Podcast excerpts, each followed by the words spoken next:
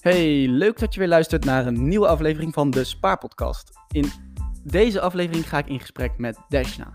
En Dashna is een oud studiegenoot van mij, waarmee ik onder andere nog een aantal hele mooie avondjes heb beleefd in Las Vegas, in de clubs daar.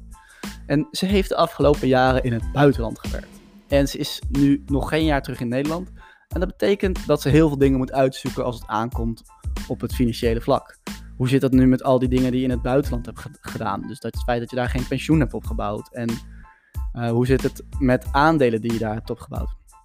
En dat niet alleen, het zijn ook de standaard Nederlandse dingetjes waar je dan weer opeens tegenaan loopt. We gaan bijvoorbeeld met name in op de aflosvrije periode. Deze is zeer relevant voor mensen die een studieschuld hebben of opbouwen. En daarnaast gaan we in op de vermogensrendementsheffing. En dit is weer heel erg relevant voor mensen die in de buurt komen van de 50.000 euro spaargeld wanneer je over je vermogen rendementsheffing moet gaan betalen. Kortom, erg veel informatie. Ik hoop dat je er wat in hebt. En zoals altijd, het is weer een mooi authentiek verhaal geworden. Dus veel plezier. Mijn naam is Robin Seets en ik publiceer minstens één keer per week een nieuwe podcast voor millennials die slim met hun persoonlijke financiën om willen gaan. Zodat je vooral zelf een lekker mooi leven kunt leiden zonder financiële zorgen en zonder dat je iedere dag met je financiën bezig hoeft te zijn. De ene week laat ik een expert aan het woord om bijvoorbeeld moeilijke onderwerpen simpel uit te leggen. En de andere week is er juist een millennial te gast die eerlijke en authentieke verhalen komt delen over zijn of haar persoonlijke financiën.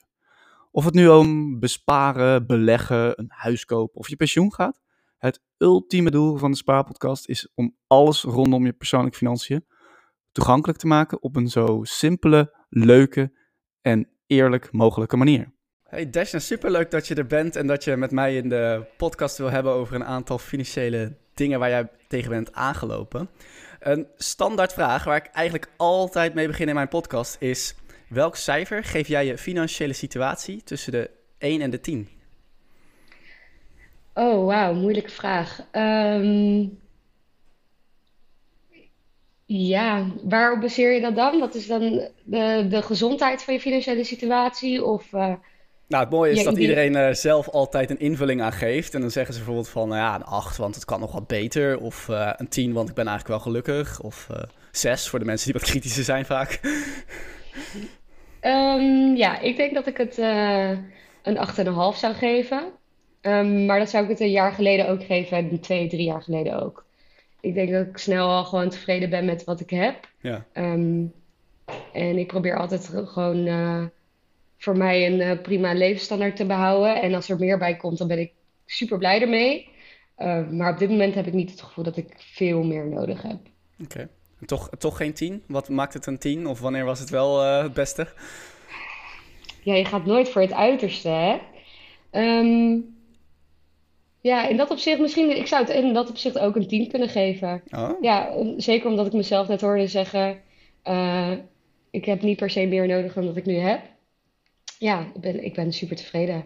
Kijk, nou, dat, dat vind ik sowieso altijd al super leuk om te horen als mensen dat zeggen. Nou ja, laten we meteen maar doorgaan dan, want uh, niet iedereen kent jou natuurlijk. Kun je misschien even kort uh, toelichten wie, wie je bent? Um, ja, natuurlijk. Ik ben Dishna. Ik ben 28 jaar. Ik werk voor Google en ik ken jou voor de luisteraars uh, via onze masterstudie. Ja. Um, op de Erasmus Universiteit. Ja, ja, ja. En we waren natuurlijk samen in Las Vegas. Ja, we waren samen in Las Vegas, ja, op een uh, hele serieuze studiereis. ja, ja, wat, uh, nou ja, ik, wat hebben we ook weer allemaal gedaan? Ik heb daar nog leuke beelden van voor de luisteraars ook. nou, zullen we die maar niet delen? ik, ik weet al op welke beelden jij doelt. Ik denk dat ik dat nog niet op mijn Instagram durf te zetten. nee, nee, nee. Dat was onwijs leuk. Ja, dus ik denk dat we wel kunnen zeggen dat we het, uh, uh, een band hebben opgebouwd in die tijd. Ja. In, het, in het korte jaartje van de, van de masterstudie. Ja, wat een trip was dat. Ja, we zijn daar inderdaad naar allemaal bedrijven geweest. Ook naar Google, uh, daar nog natuurlijk. Uh, ontzettend mooie tijden. En nu werk je inderdaad al een paar jaar. En dat heb je onder andere heel lang in het buitenland gedaan. En nu ben je sinds kort terug in Nederland. En toen ben je ook een beetje mijn podcast gaan luisteren. En toen stelde je me laatst, volgens mij in ieder geval twee vragen. Kun je nog een keer herhalen ja, welke vragen dat waren en waarom je of in ieder geval laten we bij eentje beginnen en waarom je die vraag had. Ehm, ik denk toen jij net begon met je podcast, of nee, toen had je nog geen eens podcast. Ik denk een blog, eh, nog voor de spaarpodcast tijd. Uh, begon je over uh, aflossingsvrije periode en studieschuld. Ja. nou, ik heb ook, zoals waarschijnlijk veel andere Nederlanders, ook een studieschuld opgelopen. En ik vond het dus best wel interessant. Want ik was die elke maand netjes aan het afbetalen en er ging gewoon een bedrag heen. En toen las ik jouw blog en erin stond eigenlijk dat het verstandiger was om dat gewoon een aantal jaar uit te zetten en dat bedrag te beleggen. Ehm, waarmee ik ook, ja, omdat er zo weinig rente eigenlijk op die, op die lening zit, uh, een gedeelte daarvan uh, hopelijk uh, zou kunnen terugbetalen. Ja, we gaan een gevoelig onderwerp aansnijden vandaag daarmee met de ratio en de emotie bij veel mensen. Dus kun jij misschien toelichten, wat is die aflosvrije periode dan precies? Um, zoals ik het heb begrepen uit jouw blog, ja. indekken, um, is dat uh, volgens mij een periode van vijf jaar waarin je je studieschuld stopzet. Um, een hele, hele lage rente betaalt over, over de schuld die je nog hebt. en daar dus niet je, je maandelijkse aflossing in die periode hoeft te doen. Ja, nou dat klopt. Om je studieschuld terug te betalen. Ja, ik zal nog wat aanvullen voor je inderdaad. Dus je hebt de aflossingsvrije periode. Dat is eigenlijk de periode die iedereen krijgt. Dus vlak nadat je bent afgestudeerd, hoef je nog niet direct terug te betalen. Dat moet meestal pas vanaf januari van een jaar daarna, of ongeveer een jaar heb je dan, soms twee jaar, ik weet niet exact. En dan op een gegeven moment krijg je zo'n brief van je moet nu terug gaan betalen. En iedereen gaat dan braaf terugbetalen. Ik heb dat ook gedaan. Totdat ik na negen maanden een tip kreeg van eigenlijk een van onze studiegenoten, Jurre, die ken je misschien nog wel. En die zei oh, van, ja. yo, heb je, waarom, uh, waarom betaal je eigenlijk terug? En ik zei, nou, dat uh, moet toch? Wat blijkt, je mag dus zonder reden, het maakt niet uit uh, of je op wereldreis wil, of dat je het niet kan betalen, of dat je gewoon simpelweg denkt, het is financieel gezien een slimme zet, kan je je studieschuld uitstellen met maximaal 5 keer 12 maanden, 5 jaar, 12 maanden. Dat kan je doen voor een jaar, dat kan je doen vijf jaar. En uh, doordat er nu inderdaad geen rente op de studieschuld zit, kan dat financieel gezien een hele interessante set zijn. Um, wil ik meteen even één disclaimertje maken, dat ga ik daarna ook niet meer herhalen. Hiermee wil ik dus niet aanmoedigen dat je meer moet gaan lenen of dat je met geleend geld moet gaan beleggen. Wij hebben al een studieschuld en komen er daarna achter van oké, we hebben sowieso die buffer en we hebben dat geld en we kunnen het ook over vijf jaar terugbetalen. Uh, dus dat, dat is de kleine disclaimer die ik wil maken. Maar dat is inderdaad de afvalsvrije periode. En uh, oké, dus ik heb een hele lange intro gedaan hoor, maar heb je hem uiteindelijk aangezet? Um, ik heb hem zeker aangezet, ja. Ben ik toen meteen het bedrag gaan beleggen? Nee. Dus okay. daar, uh, ja, ik merkte dat ik daar wel een, een, stukje discipline in miste. Dus ik vond het allemaal een heel goed idee. En um, het stond heel logisch ook op papier. Maar die stap daar naartoe zetten was toch een beetje um, een drempel voor mij, omdat ik me toch wat meer wilde uh, verdiepen in ja, waar wil ik dan in beleggen, hoe lang, wat voor soort fondsen. Ik ben ook um, verschillende kanalen, en ook zeker die van jou aan het volgen van wat is nou de beste manier om, om je geld te beleggen. Um, dus als ik tegen mezelf ja, een paar maanden geleden een tip kon meegeven, zou ze denk ik zijn: denk eerst even goed over na waar je het precies in wilt stoppen voordat je het uitzet. Ja. Um, want dat heb ik dus nog niet gedaan. Oké. Okay. Nou ja, het, het de schuld wordt hè, vanwege de inflatie zou het in theorie in ieder geval om minder waard moeten worden. Jij verdient vanwege inflatie over vijf jaar zoiets, zoiets of je geld is dan iets meer waard. die schuld is dan in principe iets minder waard geworden. Dus ja, in dat opzicht kan alleen stopzetten geen kwaad. Ook al geen kwaad. Zolang je het uiteindelijk, maar er zit een dikke mits aan, zo'n mits je het uiteindelijk maar terug kan betalen. Oké, okay, um, en voor hoe lang heb je dat dan gedaan? En kun je beschrijven hoe dat ging voor jou? Was dat makkelijk? Was dat moeilijk? Ik heb het gewoon voor de volledige periode gedaan, dus die vijf jaar, volgens ja. mij. Okay. Um, super makkelijk. Je gaat naar de Duo-website, uh, je zoekt het knopje op en, uh, en je zet het aan of ja. uit, ja. hoe je het wilt noemen. Dus ja, ik vond het heel laagdrempelig. Klopt. Was echt, uh, dat is echt één minuut werk. En je kan, je kan het inderdaad ook weer aanzetten. Dus ja, in jouw geval, als je uiteindelijk besluit van... nou, ik heb toch geen goed doel gevonden voor dat geld... dan kan je het ook weer aanzetten. Dan ben ik wel benieuwd. Wat ben je dan nu met dat geld gaan doen... dat je iedere maand bespaart? Um, ja, ik probeer het geld wel opzij te houden. Oké. Of, nou ja, ik hou, ik hou het geld wel opzij. Dus het, omdat mijn intentie wel echt was om het te gaan beleggen... Um, heb ik wel bewust ervoor gekozen om het geld niet uit te geven of uh, superleuke dingen mee te gaan doen. Ehm, ja, dus eigenlijk niet zoveel geks. Het staat er. Ja. En zou je de, de heel aflos- weinig rente over. ja, heel weinig. Ja. Zou je het- deze optie aanraden aan andere millennials? Absoluut, en dat heb ik ook zeker al gedaan. Ja? Oh. Ja, ik vind dit zo, ik vind het zo'n onwijs goede tip. Ehm, net geef je ook al het, het goede voorbeeld van, ehm, van de inflatie. En het is eigenlijk best wel zonde om het geld als je het hebt hoor. En als je het eh, inderdaad in je achterhoofd houdt dat je die schuld zeker wel een keer terug moet gaan betalen. Ehm, ja, gewoon, eh, gewoon een goede zet om te maken. Het is eigenlijk zonde om dat geld nu uit te geven. Ja. Ja, ja, daar ben ik het helemaal mee eens. En eh, de credits gaan dus volledig naar ons oude studiegenoot. Hij heeft mij ooit Ja. getipt, maar eh, ja, Dankjewel, Jurre. ik ben blij dat, wij, dat jij nu ook weer andere mensen ermee kan helpen. En uiteindelijk, weet je, ik heb zo vaak met mensen ook deze discussie van... Ja, eh, is het wel ethisch verantwoord? Want eh, het wordt snel verward met geld lenen om te beleggen. Maar dat doen wij dus eigenlijk helemaal niet. Het is iets totaal anders. Eh, wij beleggen dat geld nu tijdelijk en kunnen sowieso over vijf jaar dat alsnog terugbetalen. En moeten dan gewoon de maandelijkse aflossing starten. Ja, en dan kunnen we wat extra's. Dus gewoon een fiscaal voordelig zet eigenlijk, dat is het.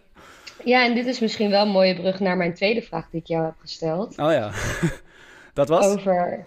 Ehm, ja, ik vroeg aan jou hoe het zat met vermogensbelasting. Eh, op een gegeven moment, ehm, als je eh, spaargeld boven een bepaalde grens komt, ehm, moet je daar ook belasting over gaan betalen. En ik was een beetje aan het berekenen voor mezelf hoeveel die belasting eh, zou zijn die ik terug zou moeten betalen. Ja. En toen, ik was daar helemaal niet bekend mee met dat concept, omdat ik dus eh, eh, toen pas een paar maanden terug in Nederland was.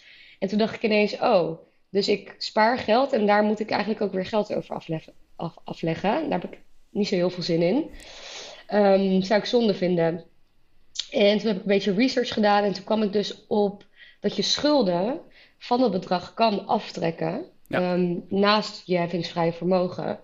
En toen ben ik naar jou toe gegaan en heb ik dat even gecheckt, want ik dacht, oh, jij zal er misschien wel meer over weten. Ja, ja klopt. Eh, dus dat je studieschuld, eh, je betaalt natuurlijk vermogensrendementheffing, maar dat is over je netto vermogen. Dus als je bepaalde schulden hebt, dan kun je die aftrekken van je totale spaargeld. Eh, mits het schuldbedrag boven de iets van 3000 euro, 4000 euro Ja, is. 31, 3100 euro, Ah, ja. Nou, 3100 euro. Nou ja, dus eh, als je een beetje een paar jaar wil studeren, dan, dan kom je daar wel boven. Dus dat is nog zo'n reden inderdaad waarvan je zegt, ja, ehm, oké, dus als ik mijn schuld niet aflos, hoef ik ook nog eens minder snel vermogensrendementsheffing te gaan betalen. Want dat was natuurlijk tot vorig jaar 30.000 euro. Nou ja, als je een paar jaar werkt, dan kom je misschien Ja. al in de buurt van die 30.000 euro. Nu is het 50.000 euro, maar nog steeds. Het is een, een keuze waar je waarschijnlijk in de eerste vijf jaar van je, nadat je begint met werken, tegenaan gaat lopen. Dus eh, ja, Ja, en volgens mij was het volgende wat ik toen tegen jou zei, en dat raakt misschien een beetje dat ethische onderwerp. Ehm, dus eigenlijk word je door de overheid gestimuleerd om een schuld aan te houden. ja, Want op die manier kan je meer welvaart creëren, zeg maar. ja. En wat vind je daarvan, ethisch gezien? Ja, ik vond dat dus best wel een gek concept toen ik daarachter kwam. Ik dacht, oh, dus het is voordeliger voor mij om mijn schuld dus nu niet af te betalen en aan te houden. Ehm, waarom hebben ze dat zo in elkaar gezet? Ja, goede vraag. Nou ja, de, de rentes zijn natuurlijk historisch laag. De overheid moet, eh, om, eh, als ze geld hebben staan, moeten ze waarschijnlijk geld of eh, rente betalen aan, eh, aan de bank of dat soort dingen. Natuurlijk, iedereen die hoog spaargeld heeft, die moet daar rente over betalen. Ehm, dus als jij ja, terugbetaalt, dan, dan moet er rente betalen. Ik weet niet of de overheid trouwens rente betaalt, maar da- dat komt gewoon door die lage rente. En daardoor kunnen ze jou 0% aanbieden.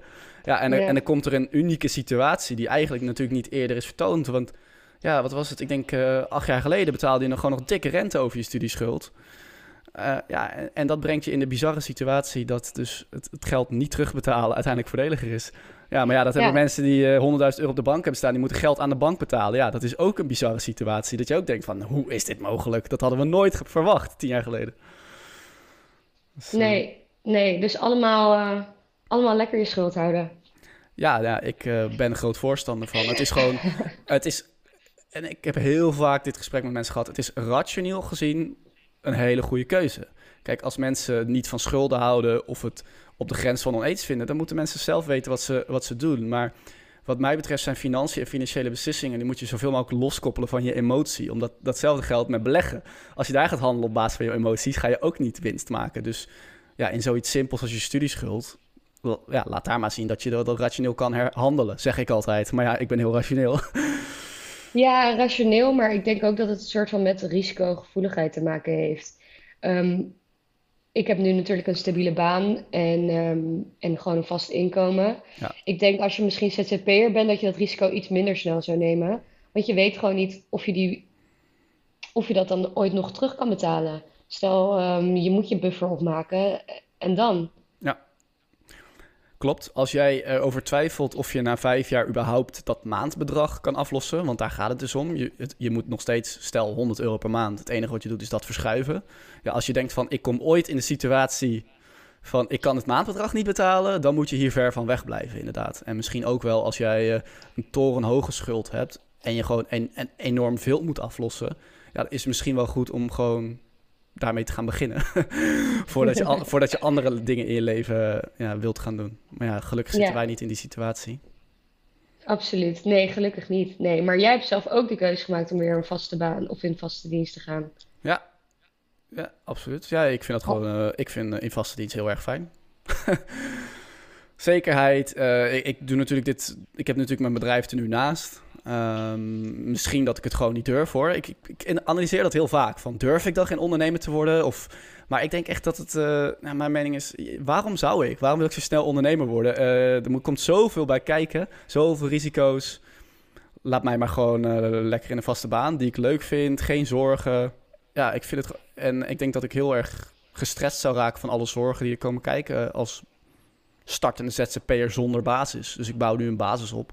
En wie weet, over vijf jaar uh, is het anders, maar nu, uh, nu niet. En hoezo kan het eigenlijk niet beide? Hè? Hoezo uh, kan je niet en je zekerheid blijven behouden en daarnaast iets doen waar je heel gepassioneerd over bent, um, totdat je je stabiel genoeg voelt om, om de vaste baan los te laten? Ja, ja, je ziet dat veel mensen dat doen. Ik vind dat het fijnste pad om te bewandelen. Je kan leren, je kan, je kan onderuit gaan. En uiteindelijk, als het succes is, kan je alsnog die stap wagen. En ja, en hoe zit het dan met je... Sorry, normaal ben jij degene die vraagt. Nee, ja, kom maar door, joh. hoe zit het dan met je work-life balance, zeg maar? Merk je dat je dan echt extra veel uren aan het maken bent? Omdat je, ja, je, som, je normale werkweek ziet er soms ook niet voorspelbaar uit. En je wilt daarna ook nog je eigen bedrijfje draaiende houden. Ja, nou, ik zal niet liegen. De work-life balance is niet wat iedereen voor ogen heeft. Maar ik vind een paar dingen in het leven heel erg leuk. En een van die dingen is leren. Dus al die nieuwe dingetjes leren die erbij komen kijken als je online bezig bent. Dus ik heb moeten leren hoe SEO werkt, CA. Uh, nou, je kent het natuurlijk als uh, Googler. um, podcasten, so, uh, Facebook advertising, Pinterest advertising, weet je. En dat zie ik lang niet altijd als alleen maar werk. Ik zou ook mezelf willen blijven ontwikkelen als ik geen side hustle had. Dus ja, het aantal uren is hoog. maar dat heb ik ervoor over, omdat het lang niet alleen maar werk is. En vergeet niet dat ik het gevoel heb dat ik echt mensen aan het helpen ben. En wat, wat is nou leuk in het leven dan dat gevoel hebben? Dat jij nu dacht van, oh, dat is een goede tip. En dat je de informatie hebt gekregen van de voor- en nadelen. En dat je je eigen gedachten op kan maken. En dat jij dan uiteindelijk een berichtje stuurt van, oh ja, thanks, daar heb ik wat aan gehad. Ja, dan verdien ik misschien niet mega veel geld. Maar ik heb wel een goede dag. En dat is mij echt heel veel waard. Zou je zeggen dat het dan gewoon meer ook je hobby is? Ja, nou, dat is een beetje discussie. Hè? Als je een bedrijf hebt, dan zeggen sommige mensen dat je niet meer mag zeggen dat het een hobby of een bedrijfje is. um, het, ik, dus ik heb sommige mensen gaan tennissen en jij neemt de podcast op. Ja, ik heb deels van uh, mijn hobby ook mijn werk gemaakt, denk ik. Ik denk dat ik dat kan zeggen. Ja. Mooi, heel mooi. Ja. Wat ik nog wel uh, verder van je graag wilde weten, want nu mag ik weer een vraag stellen, denk ik. dus je, je, je hebt natuurlijk heel lang in het buitenland gewoond. En dat heeft ook ja, best wel wat consequenties, zowel in Nederland als dingen die je op financieel vlak moet weten. Uh, kun je me door, uh, meenemen een aantal van die dingen waar je dan bent tegen aangelopen? Um, ja, allereerst pensioen. Dat is een soort van, uh, ik wil niet zeggen het rode draad in je, in podcast, maar het komt wel heel vaak naar voren. Um, dat heb ik in het buitenland allemaal uitgezet.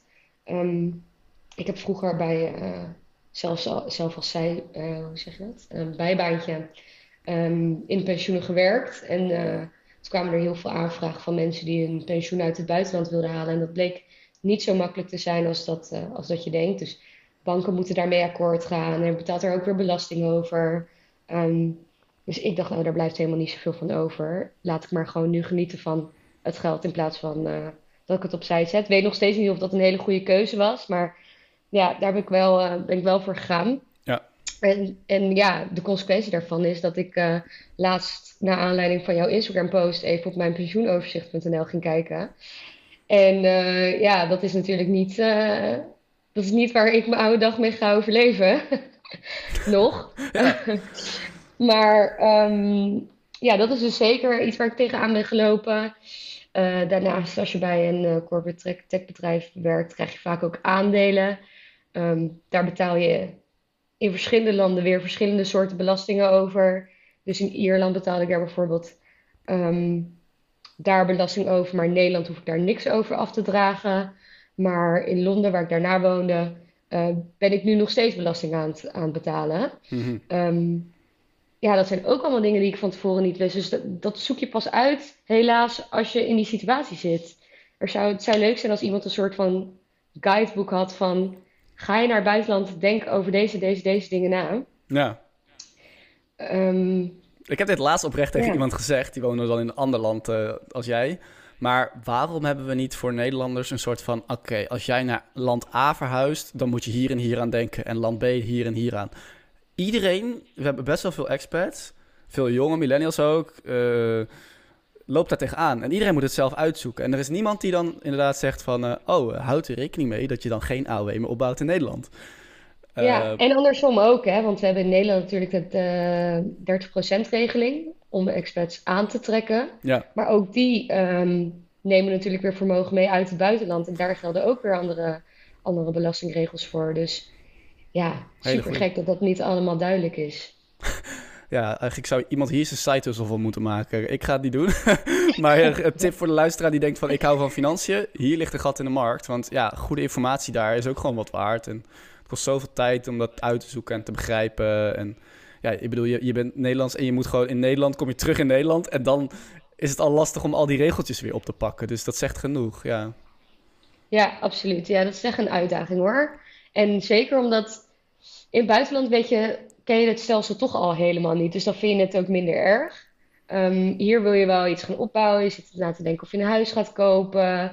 Um, wat je met je vermogen gaat doen. Dus ja, dan, dan moet je daar toch echt even voor gaan zitten en even tijd in investeren. Ja. En um, wat zijn dan nu die dingen waar je nog voor aan het zitten bent? Wat ben je nu aan het uitzoeken? Ja, ik ben nu een beetje aan het kijken hoe ik gewoon het beste mijn financiële situatie kan managen. En eigenlijk hoe ik um, me een beetje kan voorbereiden voor, voor later, dus uh, voor mijn pensioen. Ja. Maar ik wil het ook niet helemaal ten koste laten gaan uh, van um, mijn geluk nu. Dus ik ben niet iemand die nu op een houtje gaat bijten om dan vervolgens uh, vanaf 67 ergens op een jacht in, in, weet ik veel, in de Caribië te gaan zitten of zo. Um, want ja, je weet ook niet hoe lang je nog te leven hebt. Dus ik zou het liefst gewoon nu zoveel mogelijk willen genieten. Um, dus ik zit ergens een beetje tussen jou en Rowan in met agile leven. En, uh, of nou ja, ik stop jou nu ook in een hoekje. Maar um, en focus op je pensioen. Ja. Ik heb, ja, ik heb nog niet helemaal besloten hoe ik dat precies wil inrichten. Oké, okay. nou, het is sowieso goed om uh, gewoon die informatie... Volgens mij doe je dat heel goed. Je bent die informatie aan het lezen en tot je aan het nemen... en op een gegeven moment zal je beslissing maken. En je bent je in ieder geval bewust, hè? Dat is stap 1. Je bent je bewust van het feit dat je een aantal jaar geen pensioen hebt opgebouwd... of in ieder geval niet in Nederland. En uh, daar begint het.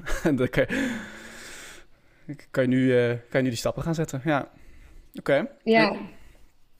En stel over vijf of tien jaar... hoe zie je dan die financiële situatie voor je? Wat is het ideaalplaatje? Um, het ideale plaatje is dat je wat passief inkomen hebt en uh, wat uh, actief.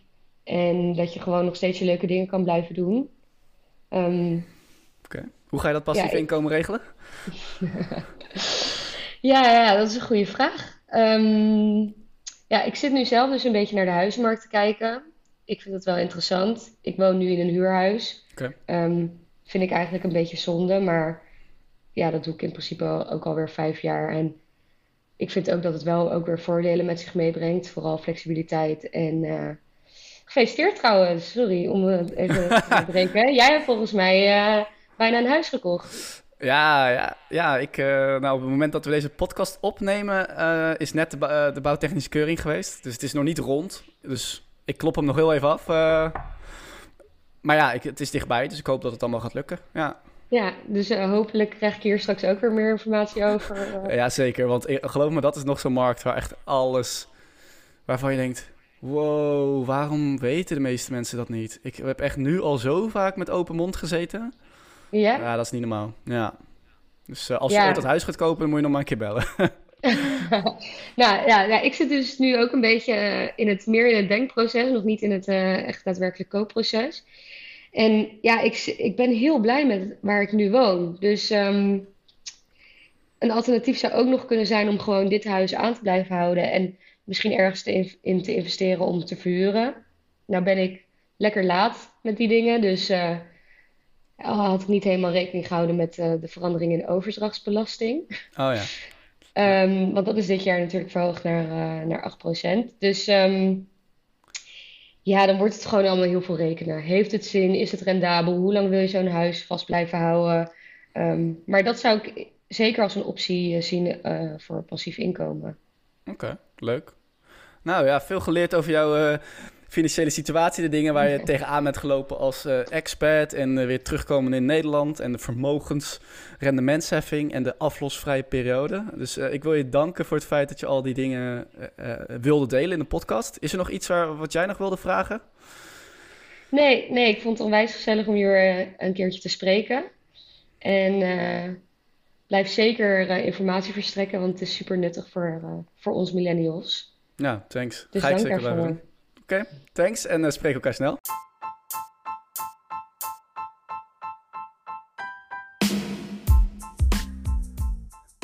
Bedankt voor het luisteren naar de Spa-podcast. Ik hoop dat je opnieuw iets hebt opgestoken en dat je een stap dichterbij bent bij het op orde brengen van jouw persoonlijke financiën op een zo slim mogelijke manier. Mocht je nu meer informatie willen, dan kun je veel onderwerpen ook even nalezen op mijn blog www.despaarpodcast.nl. Je vindt hier ook veel persoonlijke artikelen, bijvoorbeeld over mijn portfolio, doelen en de workations waar ik wel eens op ga. Heb je nog andere vragen? Stuur me dan gerust een bericht op Instagram naar de Spaarpodcast. Dat is spaarpot met een D en kast met een C. En deel jij nu mijn persoonlijke missie om financiën toegankelijk te maken op een zo simpele, leuke en eerlijke manier? Dan zou ik het echt enorm tof vinden als je een review achter wil laten. Op uh, Apple Podcasts kun je dit bijvoorbeeld doen bij de reviews. Uh, selecteer het aantal sterren en laat even weten wat je van de podcast vond. Ik uh, lees die reviews altijd graag. En zit je op Spotify, dan hoef je eigenlijk alleen maar even op volg te drukken, want daar kun je nog geen reviews achterlaten. Je, je wordt dan wel altijd op de hoogte gehouden van nieuwe afleveringen. En wil je nu zelf een keer graag in de show komen, dan kan dat ook. Contact me dan via Instagram, spaarpodcast, of mail me even naar Robin, at. Dit was hem weer en hopelijk tot de volgende keer.